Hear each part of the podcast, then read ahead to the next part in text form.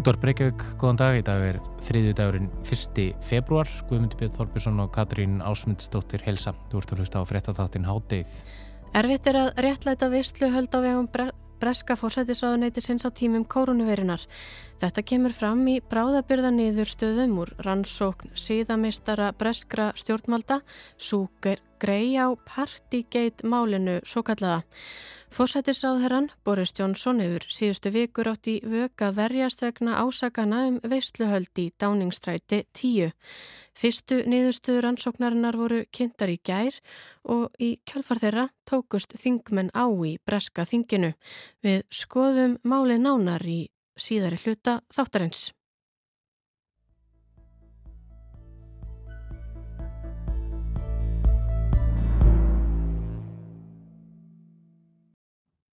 Mánuðum saman hefur undarlegt og óþægilegt hljóð plagað bæjarbúa í Vísernes í norðan verðu Fraklandi. Íbúanir, sem eru skiljanlega orðnir þreyttir á óhljóðinu, hafa árangarslaust reynd að komast á snúðir um uppbruna þess, en enginn hefur fundið út hvaðan hljóðið djúlarfulla sem þagnar stundum en byrjar svo jafnharðan aftur, kemur. Katrín kannaði málið.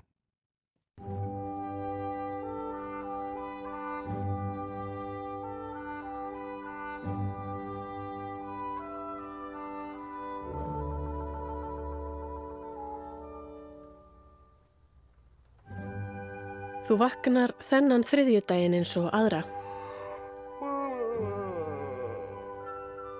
En í þetta sinn heyrist eitthvert hljóð.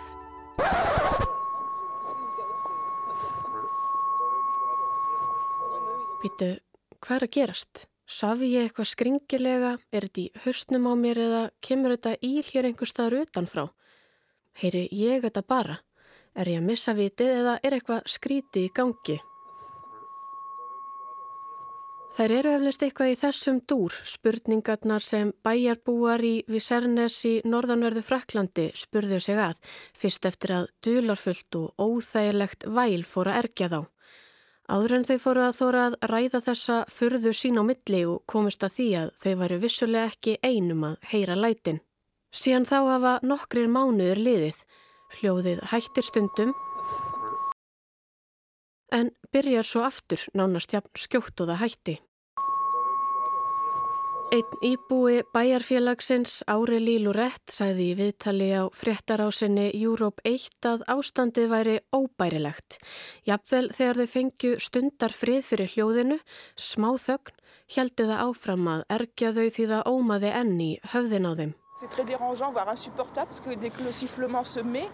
Og ekkert látir á vælinu sem herjar á bæjarbúa dag og nótt þó aldrei á sama tíma alla daga eða á neinum ákveðnum eða förstum tíma eins og annar íbúi útskýrir.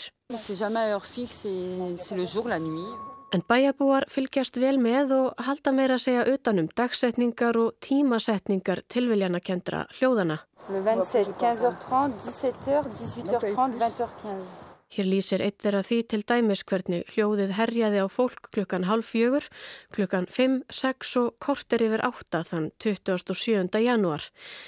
Hljóðið varir allt frá 40 sekundum og upp í halvtíma í senn. Hver einn og einasti íbúi í þessu 3000 manna bæjafélagi verður var við skerandi hljóðið hvenar sem er sólarhingsins og þannig hefur það verið frá því oktober. Eðlilega hafa þeir því rænt eftir fremsta megni að komast að uppruna þess, finna út hvaðan það kemur og hvernig á þessu öllu saman stendur, en árangur slöst.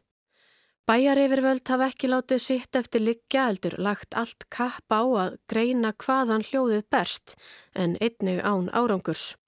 Um tíma beindust grunnsemdir að 5G loftneti en við nánari aðtjóðun var ljóst að því var þekkjum að kenna. François Segura aðstofarbæjastjóri sem fer fyrir rannsókninni gerði meira segja sjálfur vettvangsatögun á loftnitinu. Hann arkaði að símamastrinu einn morgunin þegar hljóðið ómaði um allt en heyrði ekki múk þegar þanga var komið. Bon, j'ai absolument rien entendu ce matin de là. Hann bar málið undir nokkra íbúa sem voru úti að skokka nálagt mastrinu en þeir heyrðu heldur ekki neitt við 5G græjuna. Et ensuite avec des personnes qui faisaient du sport tout autour, là, ils m'ont dit non, nous on est tous les jours là, on n'entend jamais rien du tout.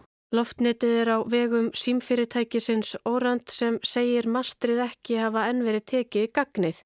Fyrirtækið hefur þó sendt viðgerðar og tæknimenn til við Sernes til að taka mastrið út og ekkert óeðlilegt kom í ljós við þá aðtugun, segir í franska blaðinölu Progress. Aðstofabæjastjórin hefur því útilokað að loftnetið sé sökudólkurinn. Nú kanna bæjar yfirvöld hvert fyrirtækið af öðru og skoða verksmiðjur.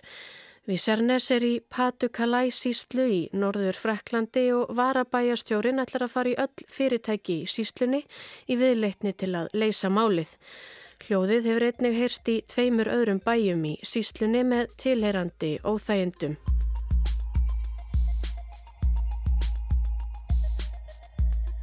Bæjabúar virðast fyrir orðnir vonlausir um að uppbrunni hljóðsins verði nokkuð tíman rakin, nánast ómögulegt sé að reyna átta sig á því hvaðan það berst og það er engan veginn hægt að vennjast þessu óhljóði. Svart síni hefur grafið um sig meðal bæjarbúa sem segjast aldrei hafa heyrt neitt þessu líkt áður í bænum sínum, ekki heldur þau sem hafa búið þar áratugum saman. Þau efast um að ástandið batni með vorinu og sumarveðrinu haldi hljóðið áfram að herja á bæjarbúa því þá verði varðla hægt að njóta útiverunar, sitja út í gardi eða njóta blíðviðris á pallinum í látonum. En vonandi tekst aðstofa bæjastjóranum að komast til bots í málinu og binda enda á fyrðu hljóðið fyrir sumarið og þannig eflaust bjarga geðhilsu allra 3000 íbúa bæjarins.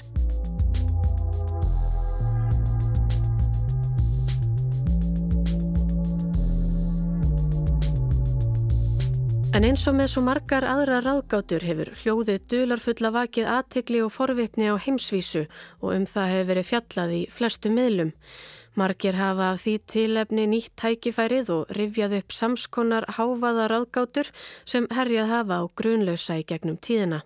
Við höfum til dæmis ekki verið laus við slíkar uppákomur hér á landi og skemstir að minnast dularfulls látíðni hljóð sem gerði akureyringum lífi leitt fyrir umur tveimur árum. Kristján Edelstein, tónlistamæður, lísti hljóðinu svona í samtali við fréttastofu á sínum tíma. Það er eiginlega ólýsanlega pyrrandi. það er eiginlega eina orðið yfir það. Þetta er viðvarandi sótt sem breytir ekki um tónhæð. Þorvaldur Bjarni Þorvaldsson tónlistastjóri menningafélags Akureyrar vakti máls á þessu hljóði á Facebook. Þá kom upp úr dúrnum að fjölmarkir Akureyringar höfðu orðið þessu varir og sumir voru feiknir að vera ekki einir um að heyra sónin. Meðal þeirra var Eithor Ingi Jónsson, organisti. Svo spurði konuna mín að heyri þetta hljóð og hún heyri þetta, já, heyri þetta líka sko. En svo bara haldi ég verið eitthvað klikkað og hérna, alltaf heyri hennar tón. Hann gaf áhorfendum svo tóndæmi. Erfitt reyndist að fanga hljóðið á upptökum en Þorvaldi Bjarnar tókst það þó loks að lokum með afar næmum hljónema og hann byrti upptöku af því færslu á Facebook síðu sinni. Margir lögðu sitt af mörgum til að leita að upptökum hljóðsinn sem heyrðist víða í bænum og margar kenningar voru á kreikjum hvað væri eiginlega þarna á ferð. Við hjónin tókum rúnd um daginn og vorum svona að reyna að finna, finna upptökið og það er erfitt en það eru kenningar uppi, alls konar kenningar, allt frá skipsmöstrum uh, í vaðlæðagöngin þar sem einhver sótt myndast og berst síðan yfir. En þegar fjallað hafi verið um hljóðið í kvöldfréttum hafi eigandi skútu sem lág á potlinum á Akureyri samband og lísti yfir hugsanlegri ábyrð á hljóðinu. Hugsanlegt væri að hljóðið myndaðist í mastri skútunar þegar vindur stæði beint inn í það. Í kjölfar þessarar uppgötunar kvarvíst látinni hljóðið torkennilega með öllu og hefur ekki ángrað bæjar búa síðan. Forsvarsmenn skútunar hörmuðu að hafa valdið óþægendum og vonuðist til að hljóðið heyrði nú sögunni til. En eins og áður segir hafa dularfull hljóð herjað á bæi og borgir víða um heimi gegnum tíðina með óþægilegum afleiðingum fyrir þau sem verða þeirra vör. Reglulega berast fréttir af fólki sem heyrir fyrðuleg og dularfull hljóð í einhver tíma sem virðist ekki vera hægt að rekja. Þetta á til að mynda við um Kanadamenn sem árið 2015 fóru að heyra óhugnanir hljóð sem líktust trombetleik og virtust koma af himnum ofan. Einn lísti því hvernig hann rökk upp með andfælum öskrandi eftir að hrottveikjandi hljóði náði til hans í svefni. Og hljóðið heyrðist víst víðar í Bandaríkjónum, Þískalandi, Úkræinu og Kvítarúslandi. Og svipa tilveik hefur herjað á um fjögur prósent jarðarbúa allt frá því um miðjan áttunda áratugin. Þá fóru dagblöðum í Bristol á Englandi að berast lesendabref frá fólki sem kvartaði sáran yfir stöðugu látinni hljóði sem gerði því lífið leitt. Síðan þá verðist ekkert láthafa orðið á hljóðinu sem sumir segja myndist einhver staðar á milli Bristol og Swansea. Að öðru leiti er afar lítið vitað um fyrirbærið sem í daglegu tali er kallað The Hum. Margar kenningar eru á kreikjum uppbruna hljóðsins. Fyrst var talið að það kæmi frá verksmiðjum á svæðinu en svo kenning verðað engu þegar verksmiðunum var lokað. Aðrir telja að kenna megi fiskum í makaleitum hljóðið þar sem fiskur sem þarna þrýfst gefur frá sér skringileg mögunar hljóði tilhuga lífinu stundum klukkustundum saman. Fjölmarkir aðrir telja að rekja megi hljóðið til jarðskorpurreyfinga, gamalla, eldgósa og jarðskjálta eða reyfingar á sjáarbotni og nú hafa svo bæst við kenningar um 5G netið allræmda en ekkert hefur verið sannað í þessum efnum og fyrirbærið er því ennþá ein af fjölmörgum ráðgátum lífsins. En þá heldur til Breitlands. Gerdagurinn var viðburðaríkur á breska þinginu eftir að bráðabyrðaniðustöður úr rannsókn Sú Grey á partihaldi fórsætisráðherra og fórsætisráðunæti sinns voru kynntar. Kýr Starmer, leðtogi verkamannaflokksinn, segir að forsættisráðherran Boris Johnson kunni ekki að skammast sín. Sjálfur baðast Johnson afsökunar á framferði sínu en segir þó að ekki séu öll kurl komið til grafar en býða verði niðurstuðu laurugluransóknar. Guðmundubjörn tekur nú við.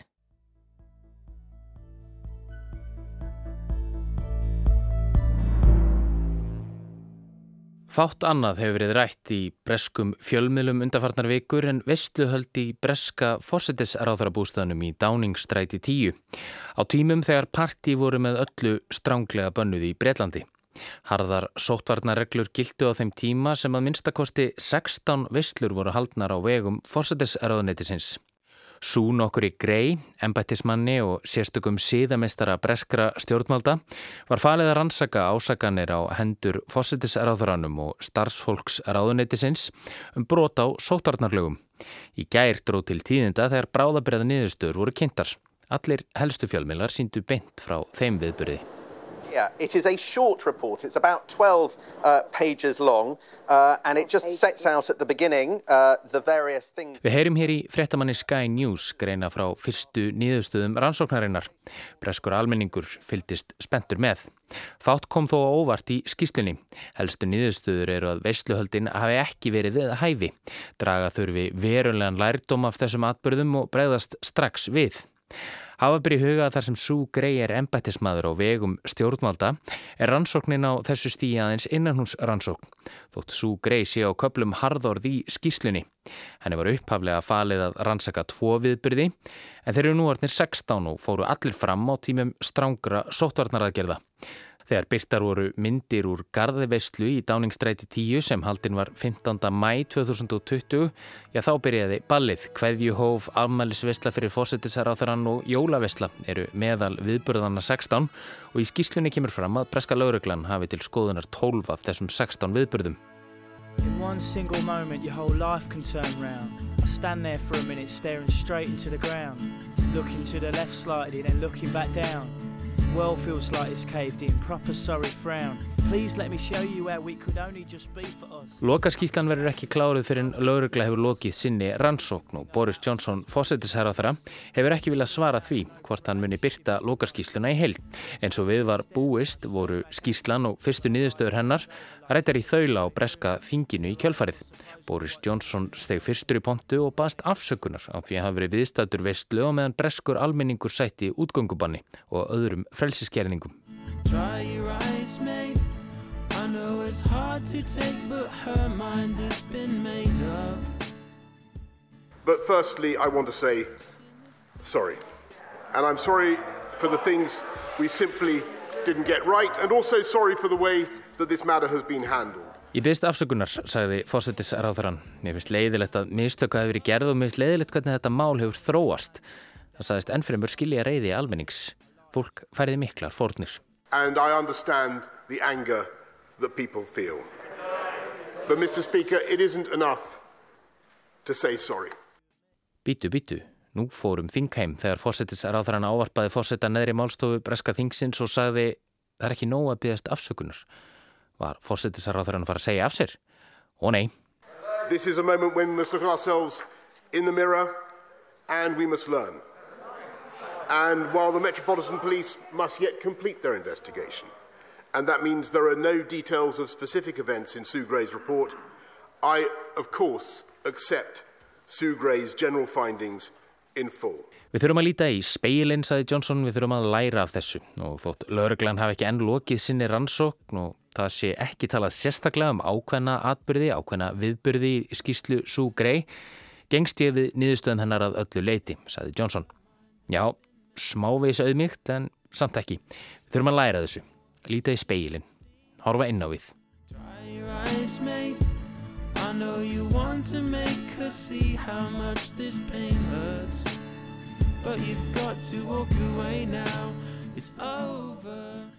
Gott og vel, en Kýr Starmer, formadur verkamnaflokksins og leiðtögi stjórnarnarstöðunar, var ómyrkur í máli þar hann stegi í pontu. Hann benti á, réttilega, að fósittisaráþarann hefði hingað til haldið því fram að öllum reglum hefði alltaf verið framfyllt. En Sue Gray síni hins vegar fram á allt annað. But we now know that 12 cases have reached the threshold for criminal investigation, which I remind the House means that there is evidence of serious and flagrant breaches of lockdown, including, including the party on the 20th of May 2020, which we know the Prime Minister attended, and the party on the 13th of November 2020 in the Prime Minister's flat. There can be no doubt that the Prime Minister himself is now subject to criminal investigation.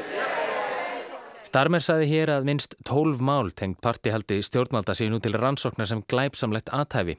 Til séu sannanir um alvarleg og vítavert brota á útgöngubanni, meðal annars í visslunni frægu í mæ 2020 þegar fórsettisaráþarann held að hann væri að fara á vinnufund, en tók einhvað síður eiginkonu sína með og fekk sér í glas svona eins og maður gerir á vinnufundum. Þið sama gildi um veistlu sem haldin var í íbúð fósettisaráþarans 13. november sama ár.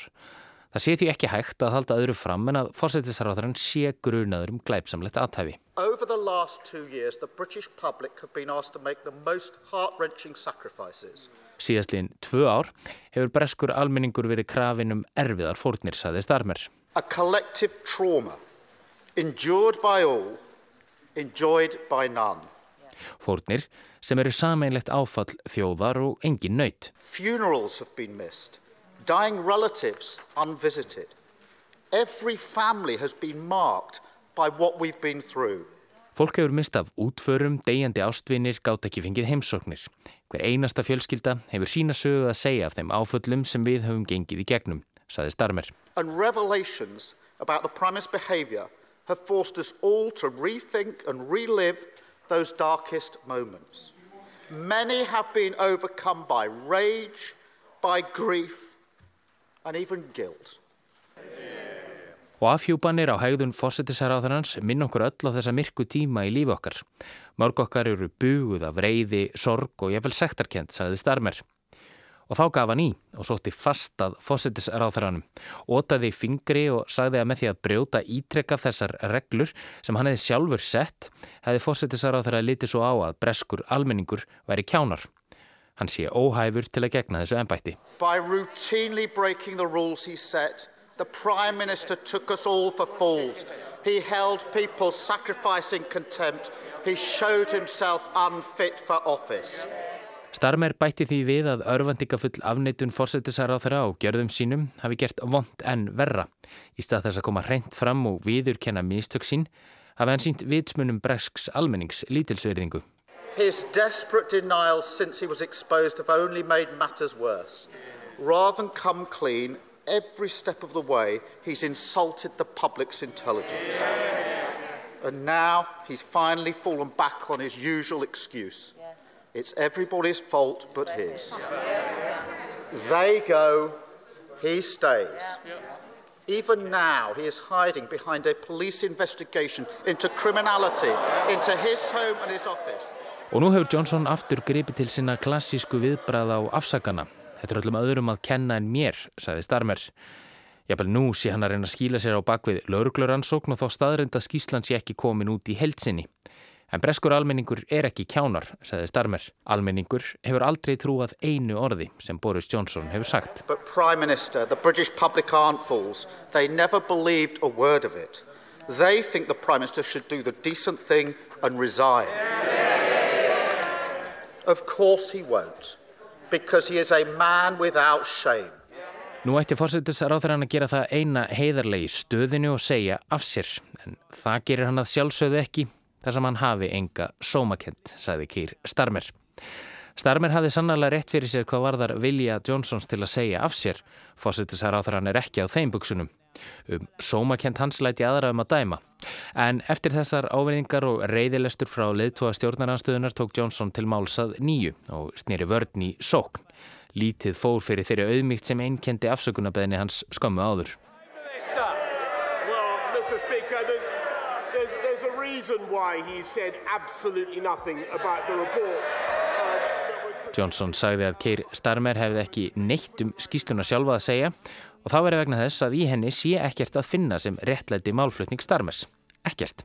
That is because, Mr. Speaker, the report does absolutely nothing to substantiate the tissue of nonsense uh, he has just spoken.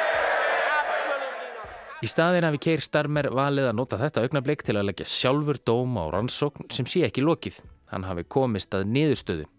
Það hafi Boris Johnson ekki gert en það sé það ekki rétt á þessum tímapunkti. He, Mr. Speaker, chose to use, it, chose to use this moment, he used this moment, Mr. Speaker, continually to prejudge a police inquiry. That's what he chose to do. Uh, he, he's reached his conclusions about it. I'm not going to reach any conclusions, and he, and he would be entirely, and entirely wrong to do so. Dry your eyes, mate. I know you want to make her see how much this pain hurts But you've got to walk away now Já, hitin var við söðumarki breska þinginu í gerð En það var ekki aðeins pólitískir andstæðingar Johnson sem sóttu harta að honum heldur einnig samflokksmenn á borðið Theresa May fyrir um fósittis ráþæra og leðtoga íhaldsflokksins. Hún saggaði eftirmann sinn um að hafa annarkvort ekki lesið þær reglur sem hann sjálfur setti eða hafa einfallega ekki skilið það. Hvort var það, spurði hún. What the Gray report does show is that number 10 Downing Street was not observing the regulations they had imposed on members of the public. So either my right honourable friend had not read the rules, or didn't understand what they meant, and others around him, or they didn't think the rules applied to number 10. Which was it? Og fórsiti neðri málstofu Breska Þingsins var forvitin að heyra svarið. It's a very important question. I want to hear the answer even if other people don't. Prime Minister. Og ekki stóða því hjá fósættisaráðarann. That is not what the uh, Grey report says. Uh, it is not what the Grey report says. Uh, but if she, I, I, I, I suggest that she waits to see uh, the conclusion of the inquiry. Nei, nei, kæri fósætti, þetta er ekki það sem kemur fram í skýslunni. Ég legg til að Theresa May býði eftir loka niðurstöðum hennar, sagði Boris Johnson.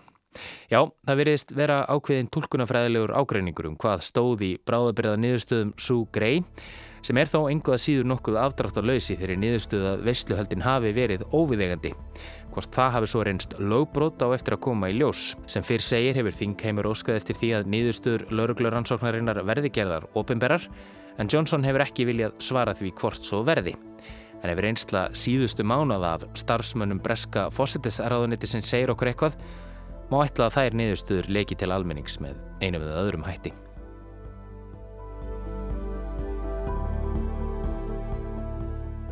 Hádegið verður þá ekki lengra í dag en við verðum hér aftur á sama tíma á morgun. Þátturinn er aðgengilur í spilaranum og hlaðvarpsveitum og þá er hægt að senda okkur post með ábendingum á netfangið hádegið hjá rúf.is. Verðið sæl.